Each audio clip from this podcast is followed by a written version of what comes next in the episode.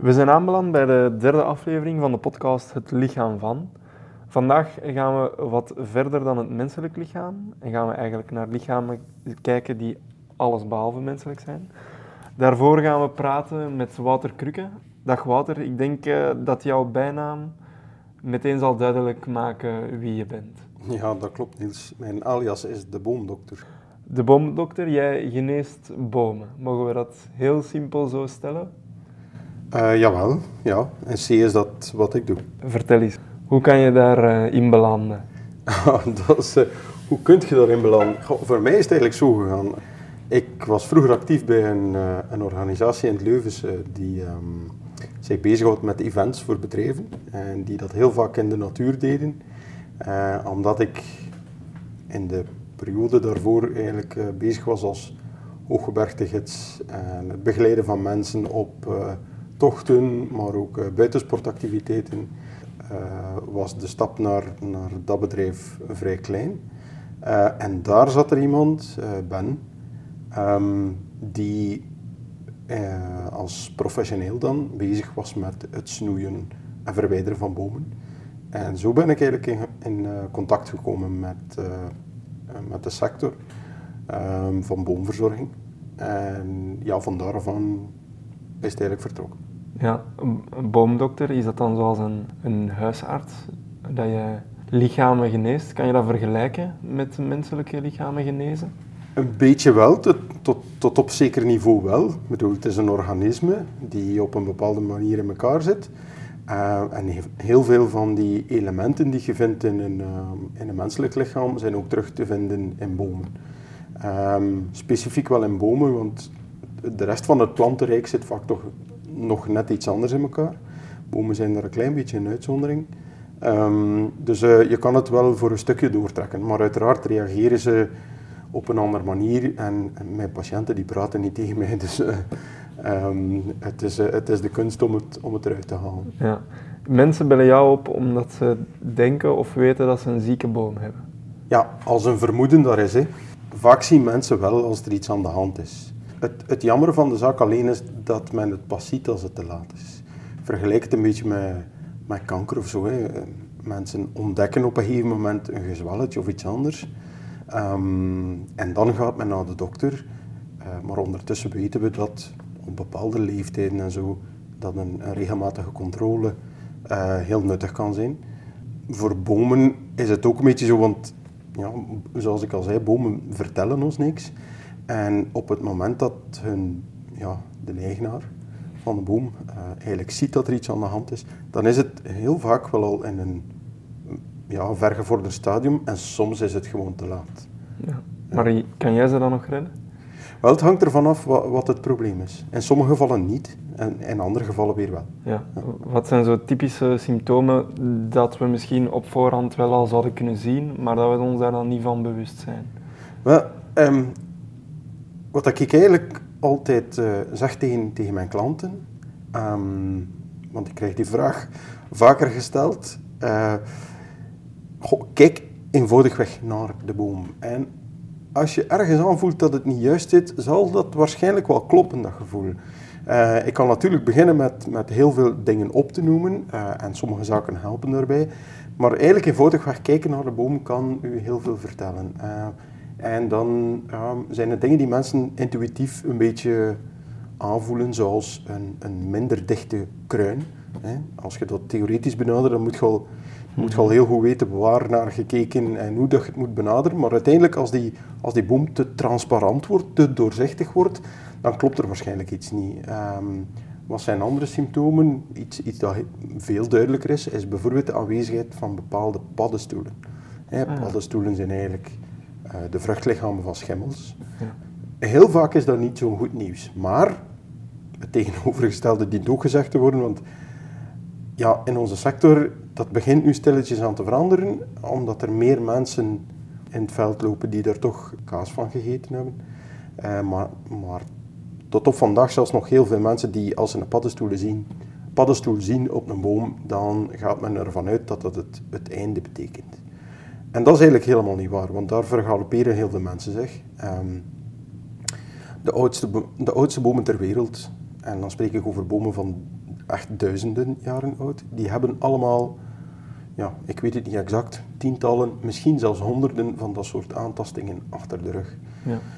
Als we heel ver gaan kijken in, in de wetenschap, dan zien we zelfs dat die schimmels of die paddenstoelen vaak bomen net helpen ouder worden. Ze hebben ze nodig om heel oud te worden. Tot op zeker niveau natuurlijk, want als die aantasting te ernstig is en de stabiliteit komt in het gedrang of hij legt echt het loodje, eh, dan is dat uiteraard een brug te ver. Maar eh, eh, dat zijn een aantal van die symptomen. Dus bladerdek, is dat dicht genoeg of niet? Zien we paddenstoelen of niet? Of gaat hij bijvoorbeeld zeg maar, gaan treuren hè, in de volksmond, zijn blaadjes laten hangen? Vorige zomer heb je, ja, was het heel duidelijk, heel veel bomen hebben dat vertoond. Die hadden gewoon overal vochttekort. En dat is gewoon een, een reactie van de boom om zichzelf te beschermen. Die bladeren gaan dan inderdaad eh, slap gaan hangen. Als dat te lang duurt, te lang aanhoudt of dat is te ernstig, ja, dan kan die daar inderdaad aan sterven. En heel veel jonge bomen, bomen die 1, 2 of 3 jaar aangeplant waren, die zijn vorig jaar er inderdaad eh, het slachtoffer van geworden. Ja. Hoe begin je aan, aan een doorsnee onderzoek van een boom die al dan niet ziek is? Wel, eerst met te kijken. Het, het kijken is een belangrijk onderdeel. En er bestaat zoiets als VTA, noemt dat. Dat is een, een beetje geëikte methode. Dat staat voor Visual Tree Assessment. Het woord zegt het zelf. Hè. Het is een visuele beoordeling. En daar start het mee. Voor veel mensen stopt het daar, maar dat is net het punt waarop ik eh, verder ga. Eh, omdat het, het visuele aspect zegt één ding, maar zeker niet alles. En daar moet ik vaststellen in de praktijk dat heel veel conclusies worden genomen, beslissingen worden genomen ook over bomen, die veel te kort door de bocht zijn. Uh, waardoor dat bomen geen kans krijgen eigenlijk om zich te herstellen. Uh, het visuele aspect uh, ja, laat tien mensen een beoordeling doen, visueel, enkel en alleen visueel, en je zult naar alle waarschijnlijkheid tien verschillende conclusies krijgen. Ja. Uh, en dat heb ik in de praktijk al te vaak moeten vaststellen. Uh, en dan is het jammer dat bomen onterecht verwijderd worden of bestempeld worden als ongeneeslijk ziek. Ja, maar er zijn ook meetapparatuur om verder te gaan dan het visuele. Ja, inderdaad. Um, eenvoudige meetapparatuur van een gewone meter. Hè. Je kan bepaalde dingen meten aan een boom. Je kan bijvoorbeeld zien hoeveel die effectief groeit per jaar. En je kan zelfs terugkijken in de tijd als het ware, om te zien hoeveel die vorig jaar en de jaren daarvoor gegroeid is. Uh, je kan dat ook zien aan, uh, aan de stammen, aan de schorsevolutie. Um, er zijn ook uh, gesofisticeerdere apparaatjes, zoals bijvoorbeeld toestellen die chlorofielgehaltes meten. Mm -hmm. die Wat vertellen... is dat juist, chlorofiel? ja, chlorofiel is eigenlijk een, het, zeg maar het groen in het blad. Hè? Ja, en chlorofiel okay. zorgt er eigenlijk voor dat Um, dat de cellen actief zijn binnen de bladeren en die mede zorgen voor de omzetting van uh, zonlicht in suikers. Ja, dus jij scant eigenlijk een boom op die manier? En zo wordt een boom inderdaad uh, gescand door al die verschillende metingen te doen, bepaalde testen te doen, om uiteindelijk een, een, een algemeen beeld te krijgen van die huidige conditie en vitaliteit van een boom. Ja. Het, is, het is echt een beetje zoals, zoals bij een huisdokter, die gaat je pols gaan meten, die gaat uh, luisteren naar de ademhalingen en een aantal andere dingen doen. En eigenlijk is dat wat ik ga doen bij, uh, bij bomen. Ja. Zijn er speciale behandelingen dan om ze te genezen?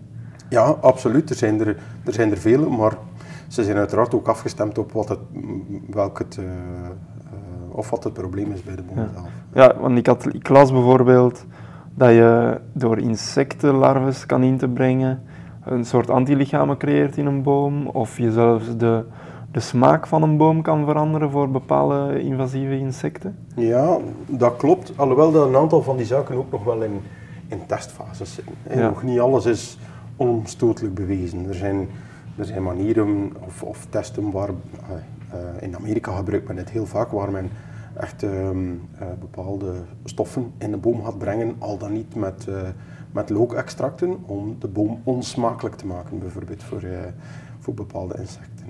Um, de werking daarvan wordt nog een beetje ja, in twijfel genomen. Uh, mm. De ene keer heeft het wel effect, de andere keer niet. En men is er nog niet uit. Heeft het te maken met boomsoort? Heeft het te maken met andere omstandigheden? daar is men eigenlijk nog niet 100% uit. Uh, er zijn ook um, enzymen soms die worden geïnjecteerd. zo test men al jaren op de Ipensterfziekte. Um, of olmenziekte. Olmen is ja, beter bekend in, in de volksmond dan Iep, maar het is dezelfde boom.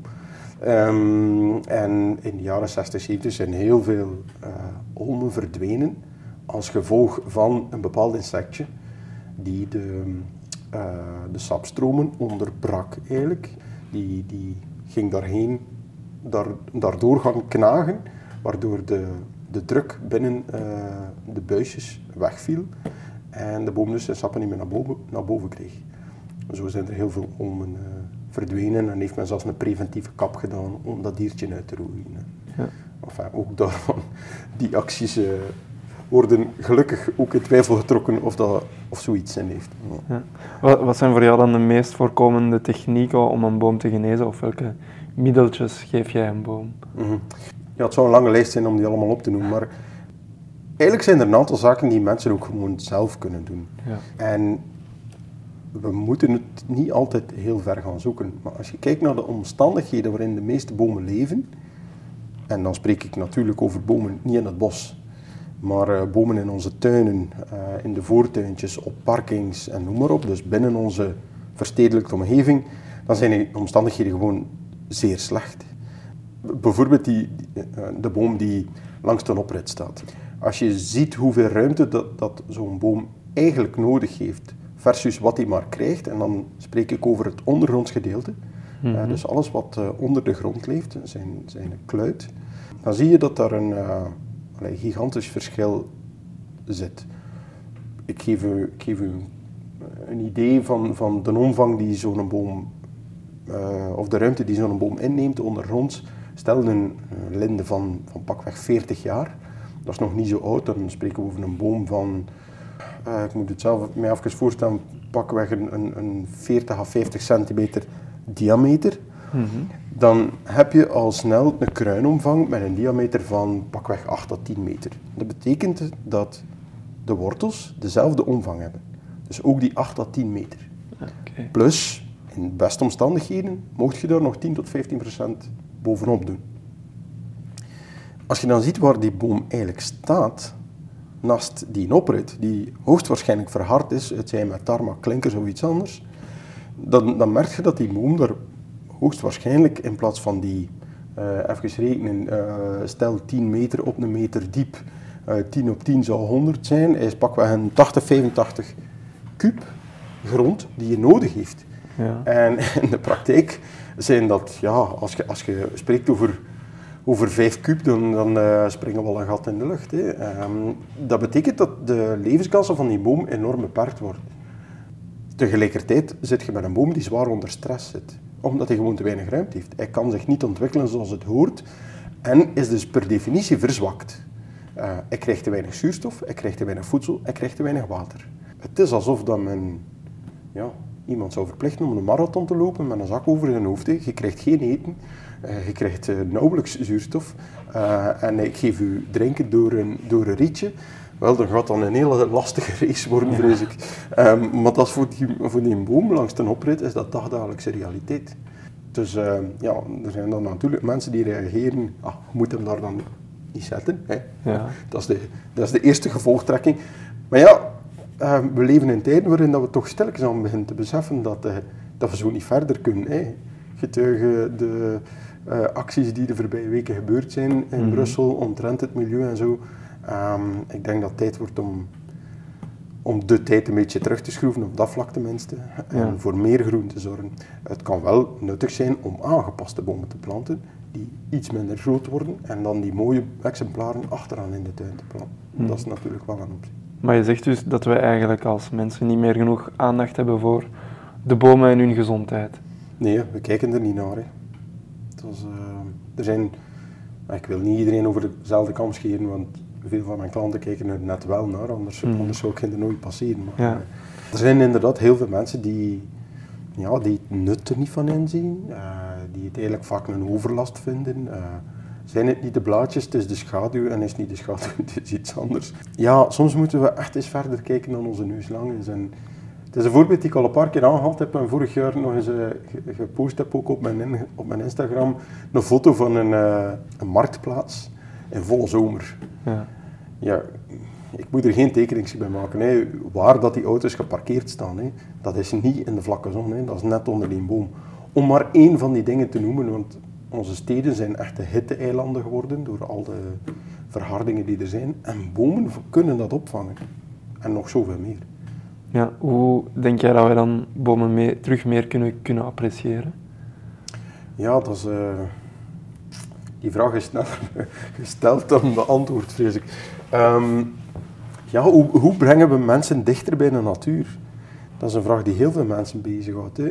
Um, en gaan mensen uh, terug moeten inzien wat, wat de functie en het nut is van die bomen. Ja, kijk, er gaan uit, alle hoeken van de wereld uh, zijn er alarmerende zaken uh, als het gaat over de natuur. En oké, we kunnen die misschien negeren of het afdoen als sprietpraat, zoals vaak gebeurt, maar de cijfers wijzen allemaal in dezelfde richting. Hè.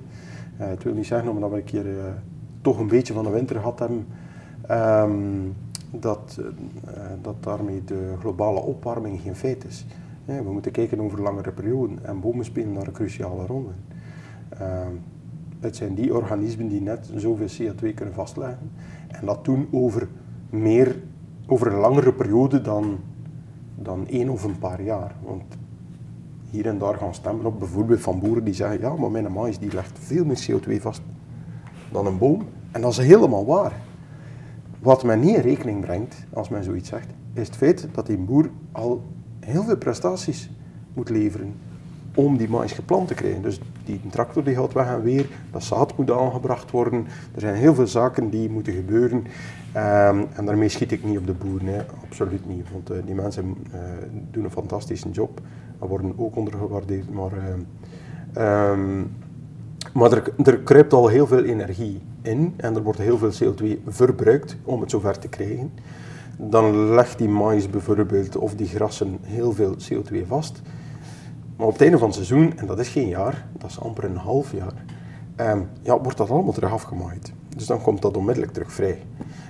Um, dus, uh, en bomen zijn, zijn organismen die dat net heel lang kunnen vasthouden en vastleggen.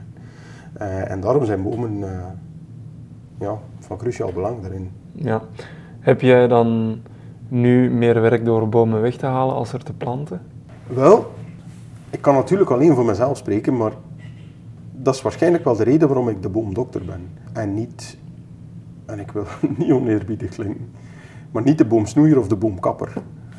Er zijn mensen die zulke zaken doen en die dat fantastisch goed doen. En ze moeten er ook zijn, want ja, in sommige gevallen moet een boom ook gewoon weg.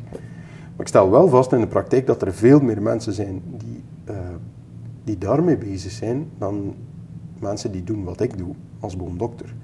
Want mij gaat het eigenlijk in de eerste plaats over behoud.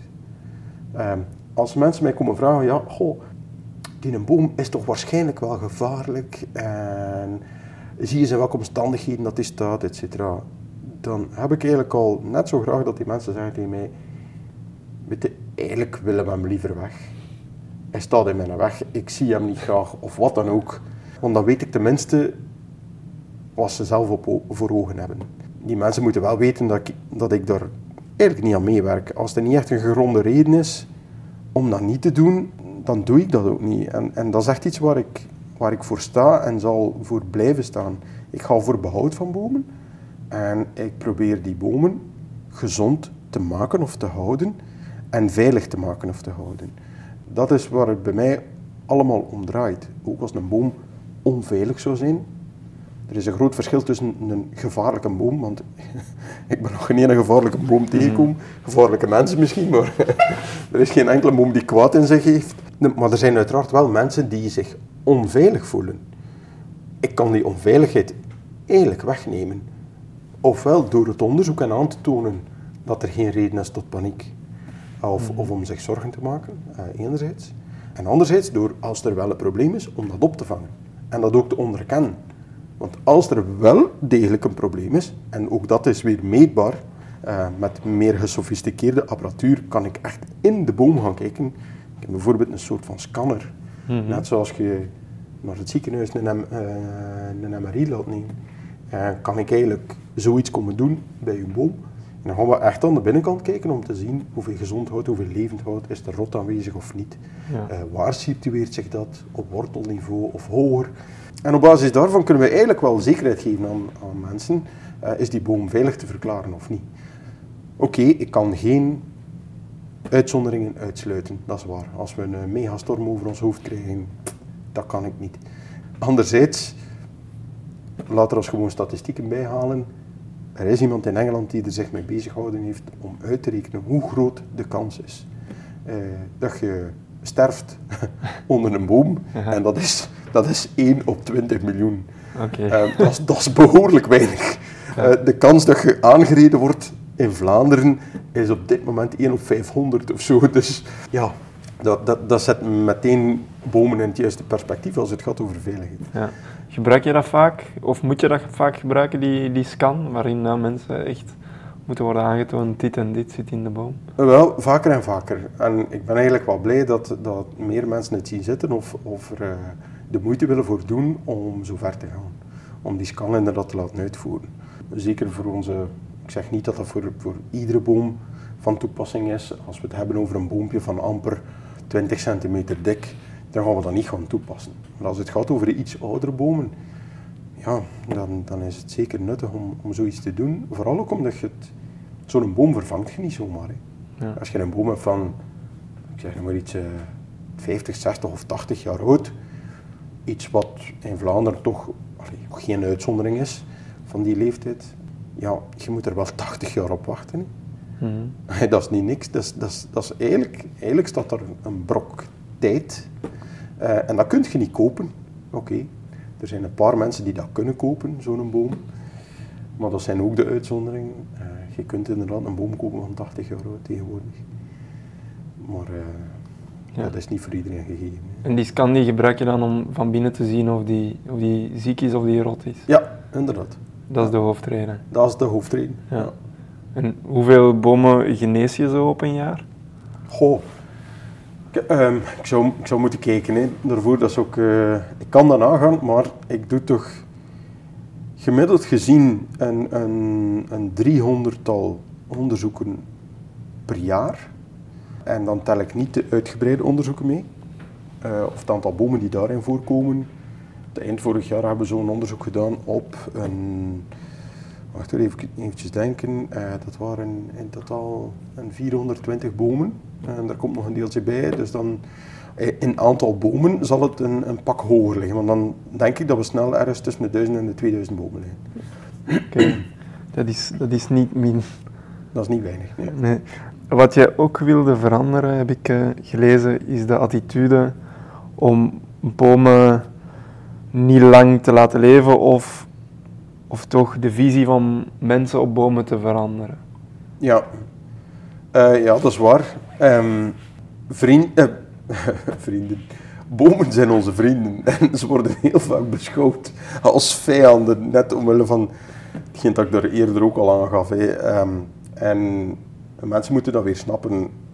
Kijk, bomen komen uit, een tijd voor het digitale tijdperk of zelfs de industriële revolutie, waar men bomen echt nodig had voor heel veel zaken. Voor huizen te bouwen, om klompen te maken, om van alles en nog wat. En, en eh, er werd ook toen al eh, gedacht aan herplanten. Eh, de boeg van een schip die had 50, 60 jaar tijd nodig om te groeien. Want dat werd uit een, er, werd een, er werden bomen geplant om 50 jaar later een boeg van te maken. Omdat die zo moest gegroeid worden. En dat natuurlijk niet de middel die we vandaag hebben met allerlei CNC-gestuurde machines en noem maar op. Maar men had bomen gewoon veel meer nodig. En ik denk dat het een weerspiegeling is van onze maatschappij. Mensen hebben elkaar ook veel minder nodig. Vandaar die polarisatie die, zich, die om zich heen grijpt. Mensen hebben elkaar minder en minder nodig. Eh, en ik denk dat, we, dat, het, eh, dat het goed zou zijn mocht dat, mocht dat wel weer zo zijn. En, en bomen zijn daar een onderdeel van. Ja, want je wilt de gemiddelde leeftijd verlengen eigenlijk van een boom in, in Ja. België. Ja, en er zijn heel veel redenen voor. Hè. om de gemiddelde leeftijd van die boom te verlengen, die is op vandaag 14 jaar. Hè, Dat is, dat is, eh, dat is bijzonder weinig. Dat is triest Dat eigenlijk. is, dat is triest. Als je, hè, heel veel mensen weten niet hoe oud een boom kan worden, maar de jongst, de minst oud wordende bomen. hè, ik denk aan populier, berk en zo. Een berk kan makkelijk 80 tot 100 jaar worden, een populier 100 tot 150 jaar. Terwijl dat in de volksmond wordt er vaak gedacht, een populier, oh, op 40 jaar is die kaprijp. Wat men er niet bij vertelt, niet bij vertelt, men weet het gewoon vaak niet. Dat is een eh, economische term, die 40 jaar, of die kaprijpheid. Dat is puur economisch. Waarom? Omdat dat de ideale leeftijd was voor de stakjesfabriek van in de tijd. Die zaten dan in Gerardsbergen. eh, of eh, de dag van vandaag, de fabrieken die paletten maken. Dat is de meest ideale leeftijd voor een populier om, om af te doen. Waarom? Omdat die begint hol te worden aan de binnenkant. Die boom is daarom niet ziek. Die boom is daarom niet instabiel of zo. Dat is gewoon eigen aan ja, eh, de, de, de normale groei en evolutie van, van zo'n boom. En kaprijp is, dus het moment waarop dat die in zijn volle glorie staat. Zo'n dik mogelijke stam met nul verval binnenin het hout. Dus hij is het meeste waard. Dat is, dat is die kaprijpheid. Ehm, beuken, 300, 400 jaar eiken, 1000, 2000, 3000 jaar oud. Dus als, je- als je daar die 14 jaar naast zet, dan, dan is dat gewoon schrijnend. En het gaat hem niet alleen over de boom op zich, het gaat hem niet alleen over die leeftijd, het gaat hem ook over wat bomen allemaal voor ons betekenen. Want vaak wordt er gesproken over de CO2, maar CO2 is eigenlijk maar een klein stukje van het verhaal. Zie naar de wateroverlast die we de laatste decennia over ons krijgen. Kijk, Aquafin doet zijn best om overal riolering te steken, maar als wij blijven verharden aan het tempo waaraan we bezig zijn, ja, dan blijft het gewoon wegstromen. De runoff, zoals ze het noemen, dus alles wat wegloopt via verharding, is op vandaag in onze stedelijke omgeving ligt op eh, 65 tot 80 procent. 80 procent, dus van 100 liter water is er 80 liter die wegloopt via riolering en de, eh, de overige procenten dringen in in de grond. Nu, gelukkig heeft men op, op federaal niveau toch een aantal beslissingen genomen de laatste jaren die ervoor zorgen dat mensen meer water moeten opvangen op eigen terrein. Wat, dan een goede zaak is. En wat ook moet, want ons, ons eh, grondwaterniveau stij- eh, stijgt, zakt zinrogen. Ehm, en dat wil men daar onder andere mee tegengaan. Eh anderzijds, die, die overstromingen zijn het gevolg van die verhardingen en bomen kunnen dat opvangen. Als je weet dat een boom van, van 40 jaar op jaarbasis ongeveer een 6000 liter water kan bufferen, wat bedoel ik daarmee? Die grond rond die wortels gedraagt zich als een spons. Dus die neemt water op, in principe meer dan die, dan die bijna aan kan, en laat dat in de periode dat het weer droger wordt nadien langzaamaan los. Dus dat loopt niet gewoon weg, nee, die houdt dat echt vast als een spons. En dus die, die, die bomen hebben daar een, een bufferende capaciteit, net zoals een, een tank die in de grond zit, die aangesloten is op, op, op, de regen, op het regenwater of op je dak. Die boom van 14 jaar die kan dat nog niet. Ah, die kan dat wel, maar dat gaat over 10, 20 liter. Niks meer dan dat. Die boom van 40 jaar doet, pakt 6000 liter op een jaar. Die boom van 80 jaar, die doet een equivalent ervan. Hè. Dan gaat dat al over 12 tot 16.000 liter dat hij daarvan eh, dat hij kan bufferen. Dus dat is, dat is een tweede reden. En dan, ja, dan kijken we ook nog naar al die andere zaken die de laatste jaren ontelbare keren zijn opgenoemd. Hè. Ik bedoel, de mentale gezondheid van mensen gaat erop vooruit in de nabijheid van groen. Trekken vogels aan die natuurlijk weer andere dingen met zich meebrengen. En noem maar op en noem maar op. Ja. Ehm, dus er zijn, er zijn eigenlijk bijzonder weinig nadelen aan een boom. En ze wegen zeker niet op tegen de voordelen die we er allemaal aan hebben. Ja. Om misschien wat te vergelijken met een mensenlichaam, kunnen bomen ook ziektes overdragen aan elkaar? Ja, nee. Ook, ook daar is de vergelijking door te trekken. Sommige dingen wel, andere dingen ook niet. Ja.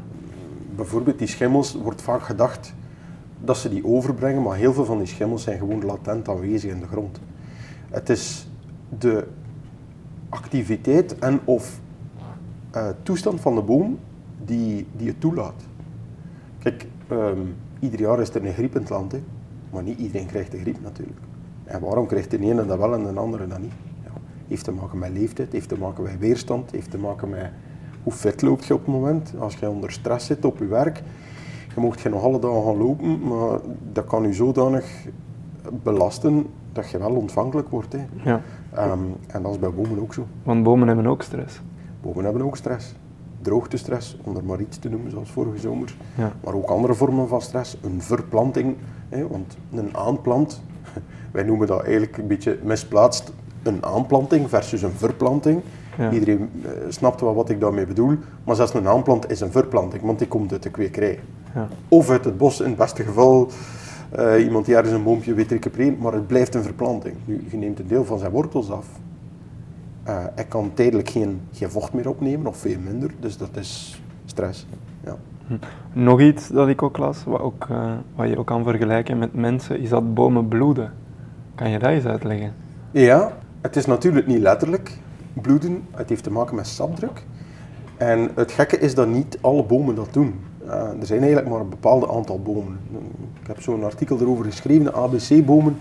Als je dat googelt, dan, dan kom je daarop uit, leest je nog iets meer erover. Maar ABC-bomen staat eigenlijk voor Acer, Betelus en Carpinus. Dat zijn Acer, eh, esdoorn, Betelus, berk en eh, Carpinus is haagbeuk. Maar er zijn er nog meerdere. paardenkastanje doet het ook. En notelaar is waarschijnlijk de bekendste bij mensen die gaat bloeden. Nu, hij doet dat als een reactie op, eh, op snoei. Maar hij doet dat maar in bepaalde perioden. En is dat slecht? Het is een verdedigingsmechanisme. Waarmee dat hij bepaalde stoffen eigenlijk naar buiten brengt om te vermijden dat er aantastingen zouden kunnen plaatsvinden. Ehm, het, is, het, is niet, het is niet goed. Ik bedoel, het heeft ja, eh, een invloed op de conditie van de boom. Maar natuurlijk, alles heeft ook te maken met de, met de grootte van de tak die daar wordt weggezaagd. Dat is eigenlijk veel belangrijker. Want ja, er worden nogal vaak gewoon takken afgezaagd die veel te groot zijn voor wat de boom eigenlijk kan verdragen. Ehm, ik bedoel, er zijn genoeg mensen die ooit al eens eh, eh, een stukje van de vinger zijn kwijtgeraakt. Dat is niet zo'n ramp, maar als plotseling een arm wordt afgerukt, dan is dat een heel paar andere boom om ervan te herstellen. En dat is voor die boom niet anders. Waarom niet? Omdat we dan over het skelet spreken. En het skelet van een boom, dat is de stam en dat zijn de zware gesteltakken. Die moet je eigenlijk intact laten. En in de praktijk zien we heel veel bomen die geamputeerd worden. Waar men ja, kapstokjes van maakt, het zogenaamde kandelaren of kandelaberen. En dat is eigenlijk nooit goed voor een boom. Als je dat natuurlijk gaat toepassen met een bloedende boom, dan kan die daar heel zwaar van, eh, eh, van afzien. En in het ergste geval afsterven, maar eigenlijk is het afsterven veel meer het gevolg van die te zware snoei dan van het bloeden op zich. Het bloeden is uiteindelijk maar een, een symptoom van, eh, van het zaagwerk. Ja. Jij bent boomdokter. Ehm, wat veel mensen misschien aan denken ook, is dat je ook een boomknuffelaar bent. Ja. Of dat je met bomen praat en dergelijke. Is dat ook een onderdeel van je job? Ja, ehm, helemaal niet. Want zo'n mensen bestaan. Ja, absoluut. En eh, kijk, ik heb, er, ik heb daar geen probleem mee dat mensen dat doen. Maar vanuit mijn job als boomdokter wil ik eigenlijk eh, alles zo wetenschappelijk als mogelijk benaderen. En ik ben constant op zoek naar nieuwe inzichten, naar nieuwe ontwikkelingen. Ik werk ook samen met, eh, met bepaalde universiteiten om zelf een ontwikkeling en onderzoek te doen. Ehm, waarom doe ik dat? Omdat, dat, omdat ik vind dat dat eh, ons echt stappen vooruit brengt. Het knuffelen, dat is niks verkeerd aan, maar ik, ik wil bij de mensen niet de perceptie leggen dat ik zo iemand ben. Want ik heb nog geen enkele boom kunnen, kunnen genezen door hem, door te knuffelen, eerlijk gezegd. Enfin, ik heb het ook nog niet geprobeerd. Mijn benadering is, is iets wetenschappelijk. Ehm, en ik wil dat mensen weten dat het ja, op een doordachte manier bekeken, onderzocht, gemeten wordt, zodanig dat het ook eh, ja, eh, te vergelijken is, dat het objectief blijft. Hè, want objectiviteit haal je uiteraard uit het meten van iets en niet door te knuffelen of er alleen maar naar te kijken. Nog een vergelijking met eh, misschien mensen die rimpels krijgen. Je hebt bomen die jaringen hebben. Ja, Is dat nu iets waaraan je perfect kan zien hoe oud een boom is? ja absoluut. Hè? Want wat zijn jaarringen? Eh, dat komt er niet zomaar. Eh, dat is eigenlijk het verschil tussen het lentehout en de rest van het jaar. Kijk, ehm, het is nu einde winter. Hm? En bomen beginnen stilletjes aan terug tot leven te komen. Hè? Eh, dus bomen gaan beginnen, er komen nieuwe blaadjes aan. De knoppen beginnen te ontluiken. Dus wat gebeurt er? Zeker in strengere winters kan het zelfs zijn dat gedeelten van de boom van de buitenkant bevriezen. En ehm, een boom wil dat eigenlijk, uh, als er gedeelten zijn bevroren geweest of zelfs kapot door vorst, dan wil hij dat zo snel mogelijk gaan herstellen en zijn, uh, ja, uh, moet ik het gaan noemen, uit de starblokken schieten om, om weer goed te groeien het komende jaar. Dus hoe doet hij dat? Door extreem veel hout aan te maken in de lente. Ehm, dat hout is, is minder dens, dus minder dicht. Als je met een microscoop zou gaan kijken, dan ga je bij, bij een eik kan je dat heel goed zien. Als je zijn takje afzet, dan moet je eens kijken op de kop van het hout. Dan ga je zien dat er ringen zijn waar je echt de gaatjes in ziet met het blote oog, heel kleine gaatjes. Um, en dan de andere ring, ja, daar zie je dat eigenlijk niet, omdat die veel kleiner zijn. En dat is eigenlijk uh, dus puur om zijn snelheid op te drijven, om meer aanwas te maken, meer hout aan te maken in die periode en zijn sapstroom volop op gang te brengen. Dus dat is eigenlijk uh, het, het lentehout. Um, en dan de rest van het jaar gaat het weer een stuk trager en is de densiteit van het hout veel hoger. Uh, dus hij maakt, uh, hij maakt in principe evenveel volumieke massa aan, maar het is meer samengeperst. Daar komt het eigenlijk op neer. Um, en dus uh, door die densiteit ver, wordt het hout donkerder. Ja. En dat is het verschil in de jaren. Wat is voor jou de oudste boom die je al behandeld hebt? Heb je daar een idee van? Ik denk iets van een 400, een 400 jaar, ja. Ben je daar dan onder de indruk van? ja, dat is... Uh, ja. ja, absoluut wel, ja. Ja, dat, ja, dat, is, dat is iets... Um, zeker als je in de kruin komt. Ik, ik, ik zelf klim niet zo vaak meer. Maar toen, op dat moment, uh, wel nog. En ja, dat is... Uh, dat imponeert. Wat, daar word je sprakeloos van. Wat, wat, zie, wat ervaar jij dan dat wij misschien niet zouden ervaren? God, het, het, zo'n boom maakt zoveel indruk dat je er echt stil van wordt. En geloof me, om mij stil te krijgen moet er al iets gebeuren. uh, ja, dus uh, je, je, kunt dat eigenlijk niet echt omschrijven. Dus, dat is alsof dat je... Ja, hoe, hoe kan ik dat gaan omschrijven? Uh, er zijn bepaalde momenten in je leven dat je, dat je met verstomming geslagen wordt. Dat je iets wat je zodanig imponeert, dat je er ja, stil van wordt. En, en als je in zo'n boom komt, dan dat is zo'n moment. En is dat dan omwille van zijn omvang? Dat heeft, te, dat heeft zeker te maken met omvang, ja. Absoluut. Als je... Kijk, als de gemiddelde boom waar je, waar je inkomt, uh, klimmend dan, hè, um, als die een stam heeft van een meter diameter, dat zijn al, dat zijn al de zwaardere exemplaren. Uh, dan heeft die uh, ja, takken van 30, 40 centimeter dik. En daar, daar ga je klimmend aan het touw makkelijk overheen. Maar als je dan in een boom komt waarvan, waarvan de onderste takken zo dik zijn als de stam van die andere, ja, dan wordt dat uh, niet alleen een, een, een, fysieke uitdaging, maar dat maakt het deels ook zo, ook zo imposant natuurlijk. Ja. Ook het besef dat die, ja, dat die bomen daar zo lang staan, als je, de, als je daar bij stilstaat, wat die boom eigenlijk allemaal heeft gezien, als het ware, meegemaakt. Um, ja, dat is... Dat is uh, we, we, kunnen, we kunnen daar moeilijk bij met, met ons brein. Hè. Ja. Uh, er zijn bomen... Uh, er is zo'n boom dat, dat een vertelsel van rondgaat. Hij is eigenlijk uitgehold en het bestaat uit verschillende deelstammen. En heeft zo een, een omtrek van bijna 60 meter. Door al die deelstammetjes bij elkaar. Um, en het verhaal gaat dat, uh, ja, dat nog een, een, een, een gans peloton van het toenmalig leger, ik dacht dat van Napoleon was, daar eigenlijk in, in geschuild heeft en dat men nadien zelfs teruggegaan is om daar een festijn in te houden. Om daar te eten, tafels in te zetten. En, hey, dat is zoiets, dat is zo ongrijpbaar. Eh, maar die boom bestaat dus wel en die is, die, is effectief zo, zo groot. Ik, ik was ooit in Amerika trouwens ook ja, als je daar in sommige bomen worden er veel groter dan hier. Hè. De hoogste boom hier is pakweg. Als je, in, in Vlaanderen heb je het gros tussen de, tussen de 25 en de, en de 32 meter pakweg. Als je een boom hebt die hoger is, dan, dan, zijn al, uh, dan worden dat al uitzonderingen. Een keer dat je aan 40 meter zit, dan zit dat bij de hoogste bomen in, in Vlaanderen. Maar Ginder begint het pas aan 40 meter. Dat is, uh, ja, daar hebben de bomen van makkelijk 60, 70, 80 meter. Uh, ja, dat is, dat is toch iets anders.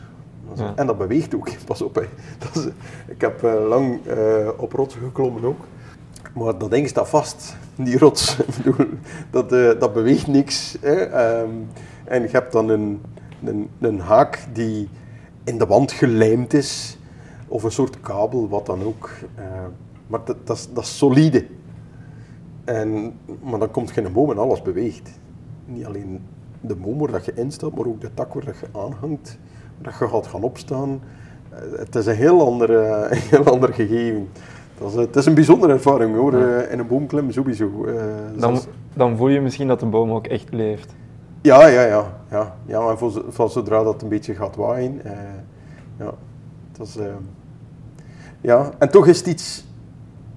We, we, we kennen er nog niet alles van, maar um, en bomen praten ook met elkaar. Ze hebben hun eigen manier om dat te doen. Dus kun, kunnen we er wel van uitgaan dat, dat bomen ook misschien ook ja, praten is het woord niet, maar communiceren of iets meegeven aan, aan diegene die daarin klemt. Want waarom zou dat niet kunnen? Als ze onder elkaar kunnen praten, waarom zou, waarom zou dat niet kunnen? Dus uh, het, is, uh, ja, het is iets zeer ongrijpbaar. Hè. Uh, trouwens, dat, hey, dat, is ook wetenschappelijk bewezen. Hè. Dat communiceren ja. onder elkaar, dat is, iets, dat is een heel fenomeen, maar ja, het kan wel degelijk. Oké, okay. dat is een mooi om mee af te sluiten. Ik ga je bedanken voor het gesprek. Dat is graag gedaan. De boomdokter, dank u.